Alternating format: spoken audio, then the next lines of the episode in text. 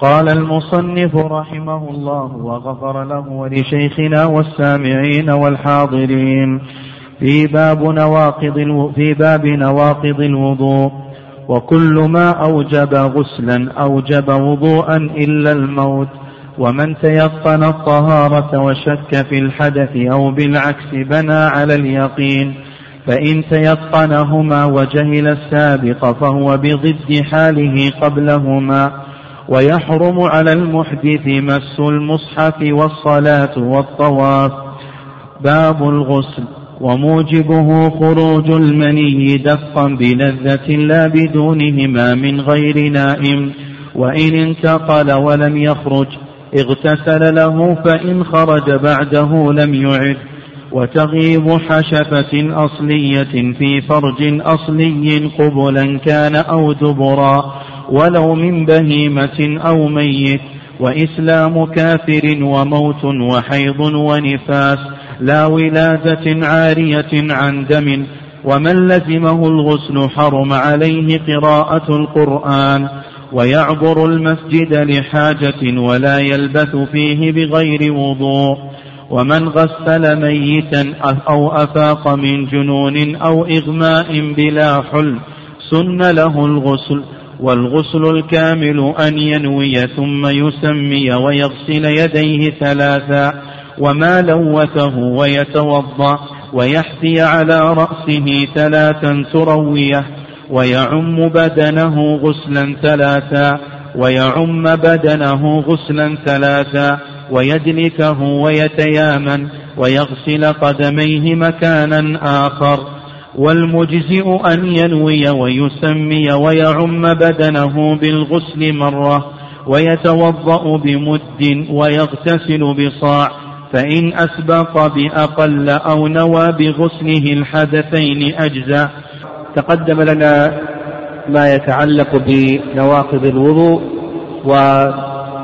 وذكرنا من هذه النواقض ما يتعلق بالخارج من السبيل وذكرنا المراد بالخارج من السبيل وهل كل ما خرج ناقض أو أن هذا خاص بالمعتاد؟ وأيضا الخارج من بقية البدن وذكرنا أن المؤلف رحمه الله ذكر أنه على قسمين إلى آخره وأيضا ما يتعلق بالنوم ومتى يكون ناقضا ومتى لا ينقض وذكرنا خلاصة ذلك في أمرين وكذلك أيضا ما يتعلق بأكل لحم الجزور إلى آخره وما يتعلق بتغسيل الميت. ثم بعد ذلك ذكر المؤلف رحمه الله تعالى ما يحرم على المحدث فقال ويحرم على المحدث مس المصحف. نعم. يقول المؤلف رحمه الله تعالى يحرم على المحدث مس المصحف. وهذا باتفاق الأئمة الأربعة. الأئمة الأربعة يتفقون على ذلك.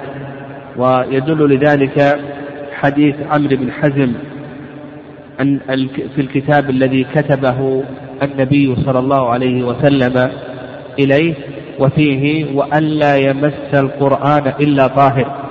وألا يمس القرآن إلا طاهر. الإمام أحمد رحمه الله تعالى يقول لا أشك أن النبي صلى الله عليه وسلم كتبه له. لا أشك أن النبي صلى الله عليه وسلم كتبه له. وهذا الكتاب الذي كتبه النبي صلى الله عليه وسلم لعمرو بن حزم آه، تضمن كثيرا من أحكام الديات إلى آخره وتلقته الأمة بالقبول فشهرته تغني عن إسناده مع أنه جاء متصلا عند النسائي رحمه الله تعالى. وكذلك أيضا هو قول سلمان الفارسي وعبد الله بن عمر رضي الله تعالى عنهما فلا يجوز مس المصحف إلا بطهارة. حتى قال العلماء رحمهم الله حتى الجلد والحواشي يعني حتى جلده. لا يجوز لك أن تمسه إلا من وراء حائل. والحواشي يعني البياض التي ليس عليها كتابة. هذا لا يجوز لك أن تمس هذا البياض إلا بطهارة. أما ما يتعلق بكتب العلم كتب الحديث والفقه والعقيدة إلى آخره فهذه يجوز للمسلم أن يمسها بلا طهارة. أما التفسير ففيه تفصيل. تفسير ففيه تفصيل. فإن كان الموجود في الصفحات من القرآن أكثر فإنه لا يجوز. وهذا مثل ما يوجد في بعض التفاسير. يكون القرآن قد نزل في هذا الكتاب والتفسير على الحواشي. فهذا لا يجوز لك أن تمسه إلا بطهارة. أما إن كان التفسير أكثر من الآيات الموجودة فإن هذا جائز ولا بأس به. آه، يعني لا بأس أن تمسه بلا طهارة. حتى قال العلماء رحمهم الله تعالى لو أن الإنسان كتب آيات على ورقة فإنه لا يمس هذه الآيات الورقة إلا بطهارة. أما بالنسبة للهاتف النقال فهذا سبق أن تكلمنا عليه. وقلنا بأن الحروف الموجودة على الهاتف النقال ليست حروفا ثابتة وإنما هي حروف آه، توجد وتذهب بطريقة إلكترونية آه، ضوئية إلكترونية. وعلى هذا لا يأخذ حكم القرآن. فلو أن الإنسان جعل القرآن على لوحة هذا الهاتف وبدأ يقرأ فيه ومسه فإنه فإن هذا جائز ولو كان ولو كان محدثا. قال المؤلف والصلاة يعني يحرم على المسلم أن يصلي وهو محدث. وهذا بالإجماع هذا بالإجماع. ويدل لذلك ما ثبت في الصحيحين أن النبي صلى الله عليه وسلم قال لا يقبل الله صلاة أحدكم إذا أحدث حتى يتوضأ. تقدم لنا حديث عبد الله بن زيد في الصحيحين. قال لا ينصرف حتى يسمع صوتا أو يجد ريحا. فهذا يدل على أنه ينصرف يعني حتى لو أحدث الإنسان في صلاته فإنه لا يجوز له أن يستمر في صلاته. قال لا ينصرف حتى يسمع صوتا أو يجد ريحا. دل ذلك على أنه إذا أحدث فإنه ليس له أن يستمر في صلاته وعليه أن ينصرف طيب وما ضابط الصلاة؟ التي تشترط لها الطهارة. نقول ضابط الصلاة التي تشترط لها الطهارة هذا بينه النبي صلى الله عليه وسلم في حديث علي في السنن وهي كل صلاة تفتتح بالتكبير وتختتم بالتسليم. كل صلاة تفتتح بالتكبير وتختتم بالتسليم. هذه الصلاة ال ال ال التي لا تفعل إلا بطهارة. وعلى هذا يدخل عندنا الفرائض والسنن والتطوعات وصلاة الجنازة لأن بعض السلف يرى أن صلاة الجنازة لا تشرع أو لا تجب لها الطهارة لا تجب لها الطهارة. لأن صلاة الجنازة صلاة شفاعة دعاء ليس فيها ركوع ولا سجود إلى آخره. لكن الصواب ما دام ذكرنا هذا الضابط الذي دل له حديث علي رضي الله تعالى عنه وهو أن كل صلاة تفتتح بالتكبير وتختتم بالتسليم كما ذكر ابن القيم رحمه الله تجب لها الطهارة. يبقى عندنا أيضا سجود التلاوة سجود الشكر. فسجود التلاوة وسجود الشكر هذا هاتان السجدتان ليستا من الصلاة. وعلى هذا لو أنه سجد وهو محدث سجود تلاوة أو سجد سجد شكر وهو محدث فإن هذا لا بأس به لأنه لا يدخل تحت الضابط لأن سجود التلاوة الصحيح أنه لا يشرع له تكبير في أوله ولا تسليم في آخره. قال والطواف. أيضا يقول لك المؤلف رحمه الله تعالى يحرم على المحدث أن يطوف. يعني وهذا هو المشهور من المذهب وقال به كثير من العلماء رحمهم الله تعالى. والرأي الثاني رأي شيخ الإسلام تيمية رحمه الله أن الطواف لا تجب له الطهارة. يعني لا تجب له الطهارة. وقال لأن كثيرا من الصحابة رضي الله تعالى عنهم خرجوا مع النبي صلى الله عليه وسلم لحجة الوداع ومع ذلك ما أمر النبي صلى الله عليه وسلم بالوضوء عند عند الطواف كما أمر بالوضوء عند الصلاة. لكن الذي ثبت في الصحيحين من حيث عائشة أن النبي صلى الله عليه وسلم لما أراد أن يطوف توضأ. لما أراد أن يطوف توضأ النبي صلى الله عليه وسلم. وعلى هذا نقول يستحب أو نقول يشرع ويحتاط المسلم لدينه وأن يتوضأ عند الطواف. لكن لو أنه نسي الطهارة أو سبقه الحدث وخصوصا في أوقات الزحام ونحو ذلك فلا نقول بأن طوافه باطل لا نقول بأن طوافه باطل. والحنفية رحمهم الله لا يشترطون الطواف لا, لا يشترطون للطواف الطهارة ولهم تفصيل في ذلك. يعني إذا طاف وهو محدث حيث أكبر وإذا طاف وهو محدث حيث أصغر هذا سيأتينا إن شاء الله في أحكام المناسك. المهم الخلاصة في ذلك الخلاصة في ذلك أن كثيرا من العلماء يقول بأن الطواف لا بد له من الطهارة لما يروى عن النبي صلى الله عليه وسلم أنه قال الطواف بالبيت صلاة. لكن هذا الحديث لا يثبت عن النبي صلى الله عليه وسلم. يعني كونه مرفوعا هذا لا يصح ثبوته للنبي صلى الله عليه وسلم. لكنه جاء عن ابن عباس رضي الله تعالى عنهما. والرأي الثاني أن الطواف لا تجب له الطهارة وإنما تستحب له الطهارة وهذا اختيار شيخ الإسلام تيمية رحمه الله تعالى لأنه لم يكن هناك أو ليس هناك دليل ظاهر آه، في إيجاب الطهارة للطواف وسيأتي إن شاء الله تتمة الكلام على هذه المسألة. في شروط صحة الطواف المناسك.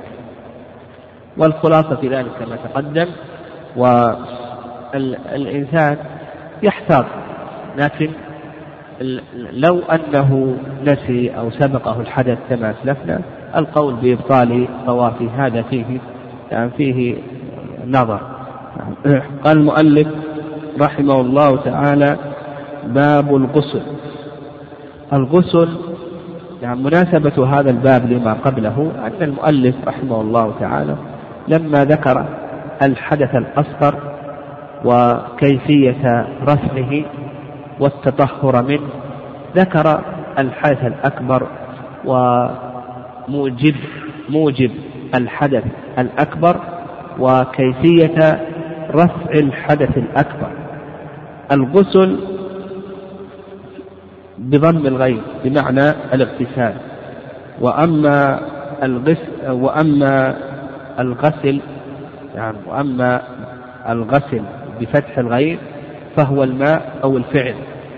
وأما بالكسر فهو ما يغسل به الرأس الغسل. الغسل بالكسر ما يغسل به الرأس. من صابون ونحو ذلك. وأما الغسل بالفتح فهو الماء أو الفعل والغسل بالضم الاغتسال. والغسل هو التعبد لله سبحانه وتعالى بغسل البدن على وجه مخصوص. والغسل هو التعبد لله سبحانه وتعالى بغسل البدن على وجه مخصوص. يقول المؤلف رحمه الله تعالى وموجبه خروج المني دفقا بلذة لا بدونهما من غير نائب. موجبه يعني ما هي الأشياء التي توجب الغسل؟ ويؤخذ من عبارة المؤلف رحمه الله أن الغسل تارة يكون واجبا وتارة يكون مسنونا كما سيأتي إن شاء الله. ما هي الأشياء التي توجب الغسل؟ نقول موجبات الغسل أولا قال لك خروج المني دفقا بلذة لا بدونهما من غير نائب. خروج المني ينقسم إلى قسمين. خروج المني ينقسم إلى قسمين. القسم الأول أن يكون من نائم. القسم الأول أن يكون من نائم. فهذا يوجب الغسل مطلقا. إذا كان من نائم يعني إذا استيقظ الشخص من نومه فرأى رطوبة المني تيقن أنه مني فإنه يجب عليه أن يغتسل مطلقا. نقول يجب عليك أن تغتسل مطلقا. ويدل لذلك حديث أم سليم أنها سألت النبي صلى الله عليه وسلم هل على المرأة من غسل إذا هي احتلمت يا رسول الله؟ قال نعم إذا هي رأت الماء. فعلق النبي صلى الله عليه وسلم الأمر برؤية الماء. وأيضا قول النبي صلى الله عليه وسلم إنما الماء من الماء يعني يجب الماء الاغتسال بالماء إذا خرج الماء. واعلم أن الإنسان إذا استيقظ من نومه فرأى في ثيابه بللا فإنه لا يخلو من ثلاث حالات. إذا استيقظ من نومه فرأى في ثيابه بللا فإنه لا يخلو من ثلاث حالات. الحالة الأولى أن يتيقن أنه مني فهنا يجب عليه الغسل. الحالة الثانية أن يتيقن أنه غير مني فهذا لا يجب عليه الغسل. الحالة الثالثة أن يتردد يعني الحالة الثالثة أن يتردد يعني لا يدري يشك هل هو مني أو ليس منيا إلى آخره فهذا هل يجب عليه الغسل أو لا يجب عليه الغسل؟ هذا موضع خلاف والصواب أنه لا يجب عليه الغسل لأن الأصل عدم وجوب الغسل. وعلى هذا يطهر ما أصاب ثوبه ويتوضأ وضوءه للصلاة لأنه يحتمل أن يكون منيا فإذا استيقظ ورأى هذا البلل فإنه لا يخلو من هذه الحالات الثلاث. طيب هذا القسم الأول النائم. القسم الثاني المستيقظ. يعني القسم الثاني المستيقظ. فقال لك المؤلف رحمه الله يجب عليه الغسل إذا خرج المني بلذة. وقال اتفقت إذا خرج يعني بلذة يعني بلذة. ويدل لذلك حديث علي رضي الله تعالى عنه أن النبي صلى الله عليه وسلم قال إذا فضخت الماء فاغتسل. قال إذا فضخت الماء فاغتسل. والفضخ كما قال آه، أهل غريب الحديث هو خروجه على وجه الغلبة يعني عن طريق اللذة والدفء. إذا فضخت الماء فاغتسل. فهذا يدل على أنه إذا خرج عن طريق اللذة من من اليقظان فإنه يجب عليه الغسل. أما إن خرج بغير اللذة بغير اللذة. كما لو خرج لمرض قد يصاب بعض الناس بمرض ويخرج منه المني. أو خرج لشدة برد ونحو ذلك. المهم خرج للسبب من الأسباب غير اللذة فهذا لا يجب عليه الغسل. يقول هذا لا يجب عليه الغسل وإنما يتوضأ وضوءه للصلاة. قال نعم قال وموجبه خروج المني دفقا بلذة لا بدونهما من غير نائم. قال وإن انتقل ولم يخرج اغتسل له. هذا الموجب. الثاني من موجبات الغسل أن ينتقل الماء لكنه لم يخرج. فيقول لك المؤلف رحمه الله تعالى أنه يجب عليه أن يغتسل. والمشهور وهذا هو المشهور عند الحنابلة. والرأي الثاني رأي جمهور العلماء أنه لا يجب الغسل حتى يخرج حتى يخرج. الحنابلة يقولون يجب عليه أن يغتسل لأن الماء باعد محله. نعم باعد محله فصدق عليه اسم الجنب. قالوا بأن الماء باعد محله فصدق عليه اسم الجنب. والرأي الثاني كما قلنا رأي الجمهور أنه لا يجب عليه أن يغتسل آه لما تقدم من حديث أم سليم رضي الله تعالى عنها. نعم إذا هي رأت الماء فعلق النبي صلى الله عليه وسلم الأمر برؤية الماء. ولما في صحيح مسلم إنما الماء من الماء. يعني إنما الماء من الماء. يعني فيدل على أنه لا بد من وجود الماء. أما كونه ينتقل في البدن فهذا لا حكم له. يعني لأن ال ال ال الشيء ما دام أنه في البدن هذا لا يترتب عليه حكم. قال المؤلف رحمه الله فإن خرج بعده لم يعد. يعني لو أنه أحس بانتقال الماء. قال لك المؤلف يجب عليه أن يغتسل. اغتسل وانتهى من الغسل. ثم خرج الماء. يقول لك لا يعيد يكتفي بالغسل نعم والصحيح في ذلك في هذا المسألة الصحيح ما ذهب إليه جمهور أهل العلم وأنه لا يغتسل حتى يخرج الماء بما تقدم من قول النبي عليه الصلاة والسلام إذا هي رأت الماء. قال المؤلف رحمه الله تعالى وتغييب حشفة أصلية في فرج أصلي قبلا كان أو دبرا هذا الموجب الثالث من موجبات الغسل. يقول لك المؤلف رحمه الله تغييب حشفة أصلية. الحشفة هي رأس الذكر وهي التي تكون عليها الجلدة التي تقطع عند الختان قال العلماء الحشفة من الذكر بمنزلة الأنملة من الإصبع.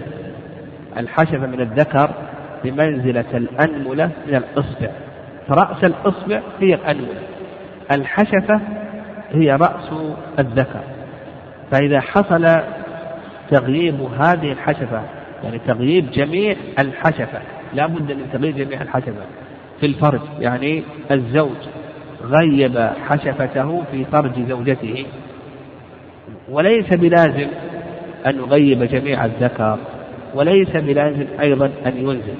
وكان في أول الأمر كان في أول الإسلام أن أنه لا يجب الغسل حتى يخرج الماء.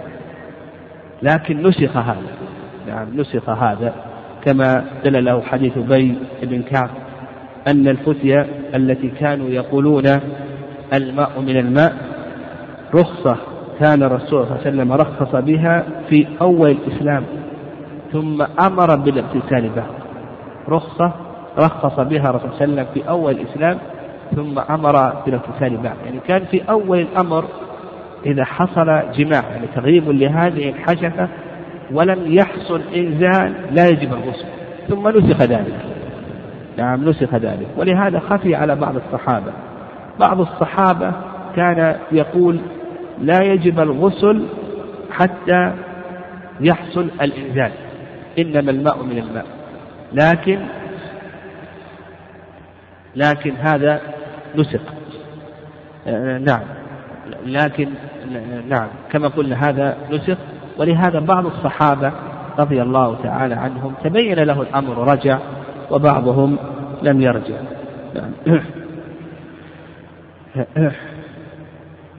وعلى كل حال رأي جماهير العلماء رحمه الله واللي دلت له السنة كما في حديث عائشة رضي الله تعالى عنها أنه إذا حصل تغييب للحشفة وإن لم يحصل إنسان فإنه يجب نعم فإنه يجب القسم ويدل لذلك كما ذكرنا حديث عائشة رضي الله تعالى عنها إذا جلس بين شعبها الأربع ثم جهدها فقد وجب الغسل. وفي لفظ ومس الختان الختان. قول النبي صلى الله عليه وسلم ومس الختان الختان. هذا يدل على أنه لا بد من تغييب الحشفة لأن الختان يكون عند رأس الحشفة من جهة الأسفل. فإذا حصل غيب هذا الحشفة فإنه يكون مس الختان يعني ختان محل قول مس الختان الختان يعني محل الختان من الرجل مس محل الختان من المرأة. وهذا يكون بتغييب الحشفة فحينئذ يجب الغسل. قال المؤلف رحمه الله تعالى نعم. قال وتغييب حشفة أصلية أو قدر أو قدر هذه الحشفة إذا كانت هذه الحشفة مقطوعة قدرها. قال أصلية في فرج أصلي. هنا قيد المؤلف رحمه الله قال أصلية هذا يخرج الفرج الغير أصلي وهو فرج الخنثى يعني والصواب في ذلك يعني ما دل له الحديث أنه إذا حصل تغييب لهذه الحشفة في فرج أصلي أو غير أصلي فإنه يجب الغسل لأن الحديث ما دام النبي صلى الله عليه وسلم قال ومس الختان الختان إلى آخره هذا يشمل الفرج الأصلي وغير الأصلي. قال أو دبرا. يعني لو حصل التغييب في الدبر. والعلماء رحمهم الله يذكرون الحكم يعني كحكم وضعي هنا بغض النظر عن الحكم التكليفي الحرمة وغير الحرمة. ولا شك أن الوقت في الدبر أن هذا محرم ولا يجوز حتى لو كان من الزوجة. لكن مرادهم هنا تبيين الحكم الوضعي هل يجب الغسل أو لا يجب الغسل؟ يقول لك المؤلف رحمه الله حتى لو حصل هذا وعمل الإنسان هذا الفعل المحرم فإنه يجب عليه أن يغتسل. قال ولو من بهيمة. نعم ولو من بهيمة. يعني لو وطئ بهيمة غيب حشفته يجب عليه أن يغتسل. يعني يجب عليه أن يغتسل. وهذا ما ذهب إليه كثير من العلماء رحمه الله. والرأي الثاني رأي أبي حنيفة أنه لا يجب الغسل. وهذا القول هو الصواب. يعني هذا القول هو الصواب أنه إذا وطئ بهيمة نقول بأنه لا يجب عليه أن يغتسل. يعني لأن الغسل هذا يحتاج إلى دليل شرعي. أو ميت. يعني لو وطئ ميتا. نعم.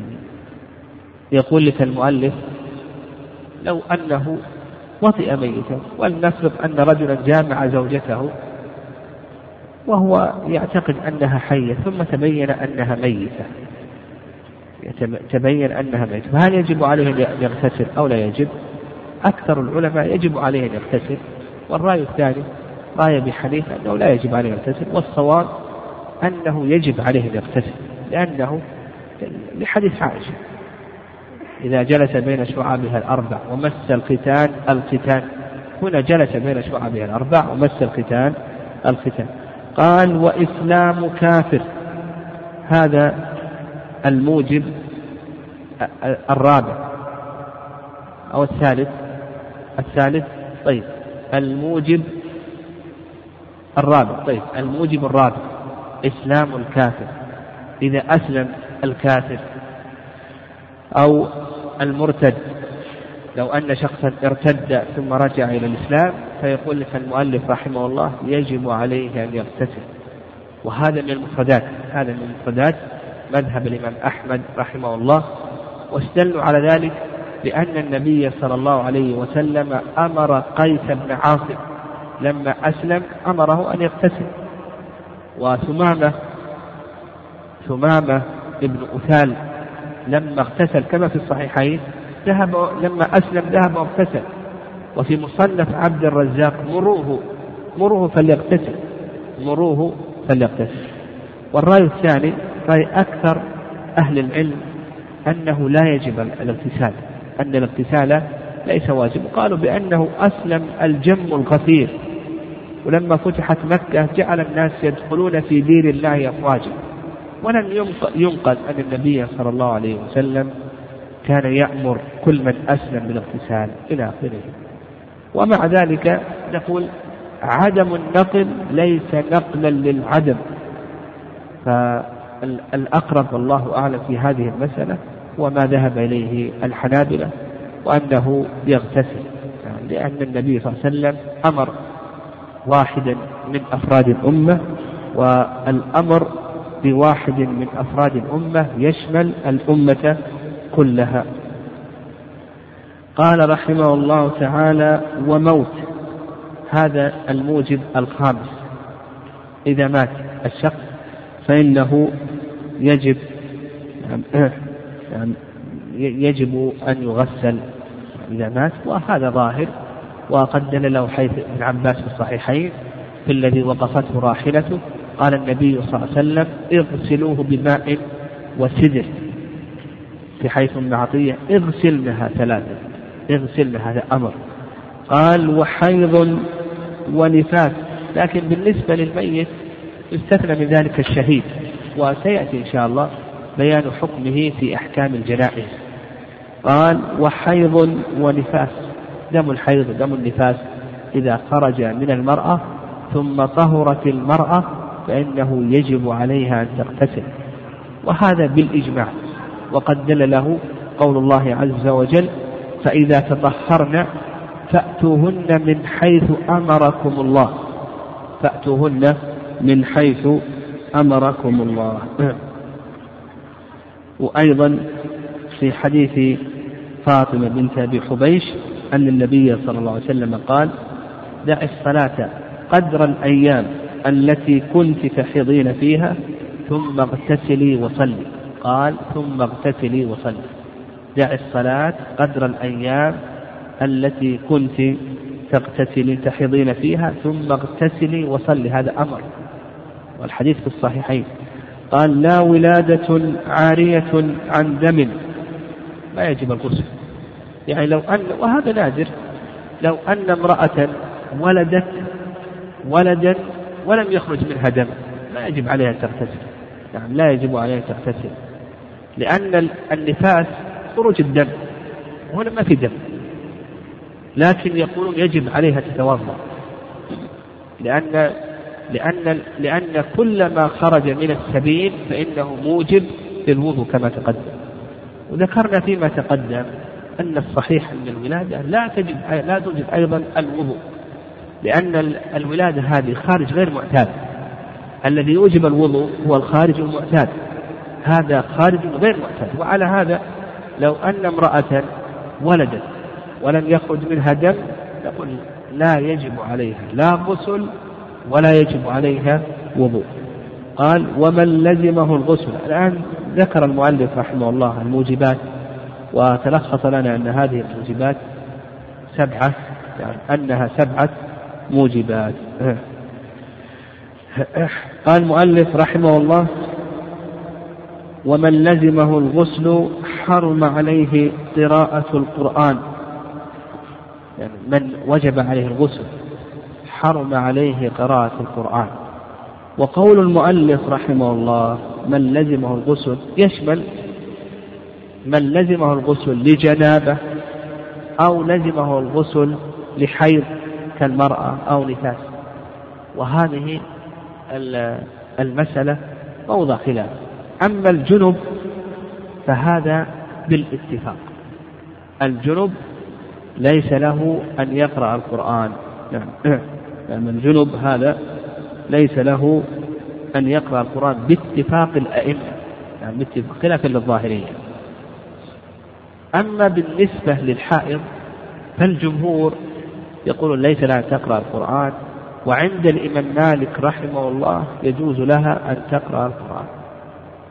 ودليل الجمهور حيث ابن عمر رضي الله تعالى عنهما أن النبي صلى الله عليه وسلم قال لا يقرأ الجنب ولا الحائض شيئا من القرآن.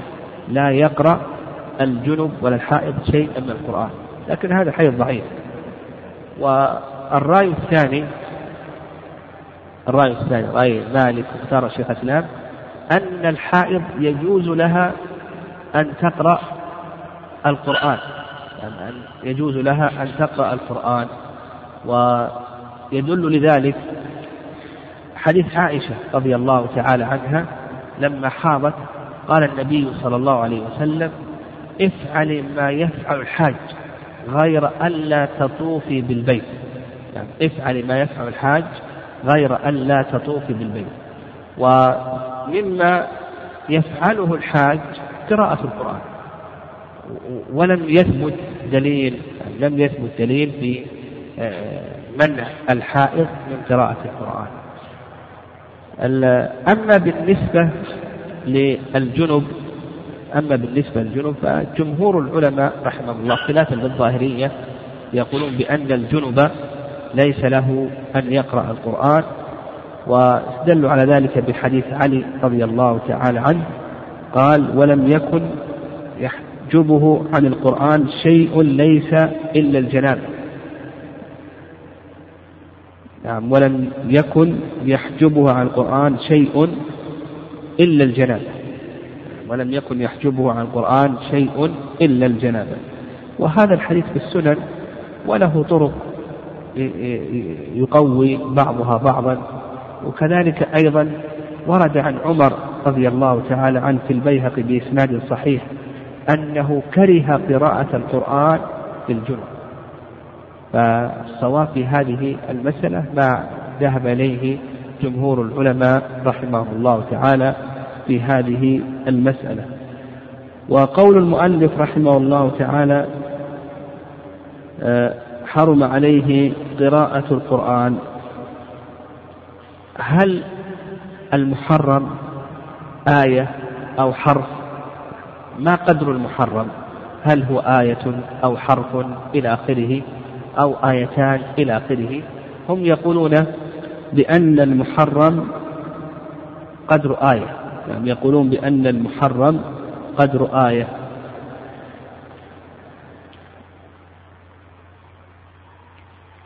فلا يجوز له أن يقرأ آية. يعني لا يجوز له أن يقرأ آية فصاعدا.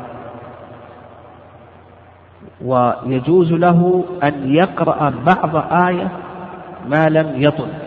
يعني ما لم يطل. هذا هو المشهور من المذهب. والرأي الثاني أنه لا يجوز له أن يقرأ ولا حرفا واحدا.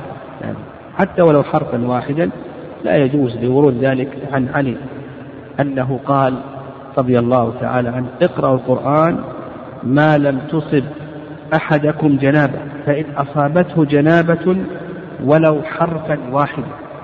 اقرأوا القرآن ما لم تصب أحدكم جنابة فإن أصابته جنابة ولو حرفا واحدا. وهذا رواه عبد الرزاق والدار قطني وصححه الدار قطني. وسبق أن ذكرنا قاعدة وهي أن الشارع إذا نهى عن شيء فإن النهي يتعلق بجميع أفراده. يعني النهي يتعلق بجميع أفراد المنهي عنه. قال المؤلف رحمه الله تعالى لكن إذا قرأ القرآن ليس المعنى أن له بالنسبة للحائض. إذا قرأت القرآن ليس المعنى أن لها أن تمسه وإنما تقرأه من وراء حائط قال المؤلف رحمه الله تعالى ويعبر المسجد لحاجة يعني الجنب له أن يعبر المسجد كذلك أيضا الحاجة الحائض يعني من لزمه الغسل له أن يعبر المسجد لحاجة يعبر يعني يدخل يدخل المسجد لحاجة. فإن أراد أن يمكث في هذا المسجد فلا بد أن يتوضأ لا بأس. أن يدخل المسجد بحاجة لقول الله تعالى ولا جنبا إلا عابر سبيل. لكن لو أراد أن يلبث فيه فإنه لا بد أن يتوضأ أولا. لا بد أن يتوضأ أولا لما روى هشام بن سعد أن أصحاب النبي صلى الله عليه وسلم كانوا يتوضؤون وهم جنب ثم يجلسون في المسجد. أن أصحاب رسول الله صلى الله عليه وسلم كانوا يتوضؤون وهم جنب ثم يجلسون في المسجد. قال ولا يلبث فيه بغير وضوء. يعني لا يجوز له أن يلبث في المسجد بغير وضوء. فإذا توضأ جاز له أن يلبث في المسجد. قال ومن غسل ميتا أو أفاق من جنون أو إغماء بلا حلم سن له الغسل. يقول المؤلف رحمه الله تعالى من غسل ميتا سواء كان هذا الميت مسلما أو كان كافرا سن له أن يغتسل. لحديث أبي هريرة رضي الله تعالى عنه من غسل ميتا فليغتسل ومن حمله فليتوضأ. وهذا الحديث روي مرفوعا وورد موقوفا والبخاري رحمه الله تعالى يقول الأشبه أنه موقوف. كذلك أيضا قال أبو حاتم يقول الأشبه أنه موقوف. على أبي هريرة رضي الله تعالى عنه. وعلى هذا نقول يستحب لمن غسل ميتا أن يغتسل. ومغسل الميت هو الذي يباشر يعني يباشر تغسيل الميت يعني يباشر تغسيل الميت يعني يباشر تقليبه ونحو ذلك دون من يصب عليه. قال المؤلف أو أفاق من جنون يعني لو أنه جن ثم أفاق أو إغماء يعني أغمي عليه ثم بعد ذلك أفاق من إغمائه أو أكل دواء أو شرب دواء وغطي على عقله فإنه يستحب له إذا أفاق أن يغتسل. ويدل لذلك أن النبي صلى الله عليه وسلم لما أغمي عليه وأفاق اغتسل. في الصحيحين. وقال المؤلف رحمه الله بلا حلم يعني لو أنه احتلم في أثناء جنونه أو في أثناء إغمائه فإنه يجب عليه أن أن يغتسل لوجود الموجب يعني بوجود الموجب. قال المؤلف رحمه الله والغسل الكامل أن ينوي ثم يسمي ويغسل يديه ثلاثا وما لوثه. المؤلف رحمه الله تعالى لما ذكر موجبات الغسل وماذا يحرم على من عليه غسل إلى آخره ذكر صفة الغسل. قال المؤلف رحمه الله الغسل الكامل. وقوله الكامل يفهم منه أن هناك غسلا مجزئا. وعلى هذا نقول بأن الغسل ينقسم إلى قسمين القسم الأول غسل كامل والغسل الكامل هو هو الغسل الذي يشتمل على الواجبات والشروط والسنن. والمجزئ هو الذي يشتمل على الشروط والواجبات دون السنن. فقال لك المؤلف الغسل الكامل أن ينوي تقدم الكلام على النية ثم يسمي أيضا تقدم الكلام على التسمية ويغسل يديه ثلاثا وما لوث. أيضا تقدم الكلام على ذلك وفي حديث عائشة رضي الله تعالى عنها أن النبي صلى الله عليه وسلم كان إذا اغتسل من الجنابة غسل يديه ثلاثا وتوضأ وضوءه للصلاة. قال وما لوث يعني الفرج. الفرج يغسله. يعني يقول لك المؤلف رحمه الله يغسل يديه ثلاثا وكذلك أيضا فرجه إذا حصل له أذى في فرجه بسبب جماع ونحو ذلك ويتوضأ يعني يتوضأ وضوءه للصلاة. يعني إلا ما يتعلق بغسل الرجلين فسيأتي الكلام على ذلك.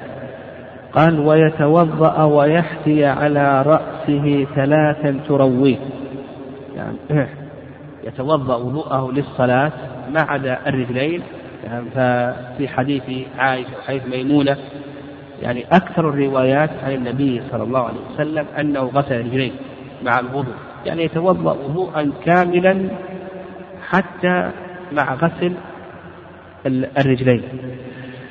وهذا أكثر الروايات جاءت في حديث الواردة في حديث عائشة وميمونة. والمشهور من المذهب أنه يغسل رجليه مرتين. يغسل رجليه مرتين. المرة الأولى يغسل رجليه مرتين. المرة الأولى مع الوضوء. والمرة الثانية إذا انتهى من وضوءه هذا المشهور من المذهب. الرأي الثاني يعني الرأي الثاني أنه لا يغسل رجليه مع الوضوء وإنما يؤخر غسل الرجلين حتى ينتهي من وضوءه يعني وهذا مذهب أبي حنيفة رحمه الله تعالى. والرأي الثالث رأي مالك والشافعي أنه يغسل رجليه مرة واحدة يعني يغسل رجليه مرة واحدة مع الوضوء. يغسل رجليه مرة واحدة مع الوضوء. فالمذهب يقولون بأنه يغسل رجليه مرتين مع الوضوء ثم إذا انتهى من الغسل. أبو حنيفة يؤخر غسل الرجلين إلى أن ينتهي من الغسل مالك والشافعي يغسل رجليه مع الوضوء. إلا أن يعني ورد عن الإمام مالك رحمه الله تعالى أنه إذا كان المكان نظيفا فإنه لا يعيد غسل الرجلين وإن كان المكان غير نظيف كان يكون فيه تراب ونحو ذلك فإنه يعيد غسل الرجلين في نهاية الغسل. يعني وسيأتي إن شاء الله. المهم قال لك المؤلف ويحكي على رأسه ثلاثا ترويه. يعني حديث عائشة رضي الله تعالى عنها أفاض الماء عليه ثلاث مرات ثم غسل سائر جسده. قال ويعم بدنه غسلا ثلاثا. يعني يعم بدنه غسلا يعني بعد أن يغسل رأسه ثلاث مرات يغسل بدنه يقول لك المؤلف ثلاثة ثلاثا أيضا يعني يغسل بدنه ثلاثا يعني وهذا هو المشهور من المذهب والرأي الثاني يعني الرأي الثاني مذهب الإمام مالك رحمه الله واختاره شيخ الإسلام أنه لا يثلث غسل البدن أن غسل البدن لا يثلثه لأن هذا لم يرد. لأن هذا لم يرد وهذا القول هو الصواب. يقول يثلث غسل الرأس أما البدن فإنه لا يثلث. قال ويدلكه ويتيامن يعني يستحب أن يدرك أثناء الغسل يستحب أن يدرك بدنه يعني يمر يده على بدنه لأن البدن قد يكون عليه شيء آه، آه، ينبو عنه الماء. يعني ينبو عنه الماء يتجافى عنه الماء. فإذا دلكه حصل له اليقين بوصول الماء إلى الجلد. ويتيامن يعني يبدأ بميامنه لما تقدم من أن النبي صلى الله عليه وسلم يعجبه التيامن. فيبدأ بميمن بميمنة. ميمنة الرأس وميمنة البدن إلى آخره. وأيضا في وضوئه يتيامن اليد اليمنى قبل اليسرى والرجل اليمنى قبل اليسرى. قال ويغسل قدميه مكانا آخر. يعني إذا انتهى من غسله هذا الغسل الكامل يعيد غسل قدميه مرة ثانية. وهذا كما أسلفنا أنهم يرون أن القدمين تغسلان مرتين مرة مع الوضوء ومرة بعد نهاية الغسل. ذكرنا الخلاف في هذه المسألة والأقرب في هذه المسألة الأقرب في هذه المسألة أن يقال يعني آه نقول آه إن كان كما نقل عن الإمام مالك رحمه الله تعالى إن كان المكان غير نظيف يعني نقول بأنه يغسل رجليه مع الوضوء. فإن كان غير نظيف أعاد غسل رجليه في نهاية الغسل. أعاد غسل رجليه في نهاية الغسل. أو نقول بأن هذا من السنن التي وردت على وجوه متنوعة. فتارة يغسل رجليه مع الوضوء وتارة يؤخر غسل الرجلين حتى ينتهي من الغسل. تارة يفعل هذا تارة يفعل هذا. يعني تارة يفعل هذا تارة يفعل هذا ويغسل رجليه مع الوضوء أكثر لأن أكثر روايتي الروايات في غسل الرجلين مع الوضوء. فإذا كان المكان نظيفا تارة وتارة. وإن كان المكان فيه شيء من الأذى من التراب ونحو ذلك فإنه يؤخر غسل الرجلين حتى يغسلها مع الوضوء. في نهاية الغسل حتى يغسلهما في نهاية الغسل. فالخلاصة في ذلك أن يقول بأن هذا من السنن التي وردت على وجوه متنوعة تارة يغسل رجليه مع الوضوء وتارة في نهاية الغسل والأكثر يغسلهما مع الوضوء. وإن كان المكان غير نظيف فإنه يؤخر غسل الرجلين إلى نهاية الغسل. قال رحمه الله تعالى والمجزئ يعني الغسل المجزئ الذي يقتصر على الواجبات دون السنن أن ينوي ويسمي ويعم بدنه بالغسل مرة. ويدل لهذا حديث عمران رضي الله تعالى عنه في الذي أصابته جنابة ولم يجد ماء ثم جاء الماء فقال النبي صلى الله عليه وسلم خذ هذا فأفرغه عليك. يكفي أن يعم بدنه بالماء مع المضمضة والاستنشاق. فإذا أفاض الماء على بدنه مرة واحدة مع المضمضة والاستنشاق تقول بأن هذا مد. قال ويتوضأ بمد ويغتسل بصاع. يعني يقول لك المؤلف رحمه الله يستحب أن يتوضأ بمد. وقد ذكر ابن القيم رحمه الله أن النبي صلى الله عليه وسلم كان يتوضأ بالمد تارة وبأزيد منه تارة. كان النبي صلى الله عليه وسلم يتوضأ بالمد تارة وبأزيد منه تارة. والمد نعم المد كما سلف المد يساوي رطل يساوي رطلا وثلث رطل بالعراقي والرطل كم ذكرنا؟ نعم يساوي تسعين مثقالا. وعلى هذا يكون الرطل وثلث الرطل بالمثاقيل كم؟ 120 مثقال. والمثقال الواحد يساوي بالغرامات أربع ربع. يعني يساوي بالغرامات أربع ربع. تبذل 120 في أربع ربع. قال ويغتسل بالصاع. يعني والصاع أربعة أمتاد أمداد. يعني يعني يستحب أن يكون غسله بالصاع. والصاع أربعة أمداد. وعلى هذا الإنسان لا يسرف. يعني في الماء المؤلف رحمه الله يقول لك استحب أن يغتسل في الصاع لأن هذا هو هدي النبي صلى الله عليه وسلم.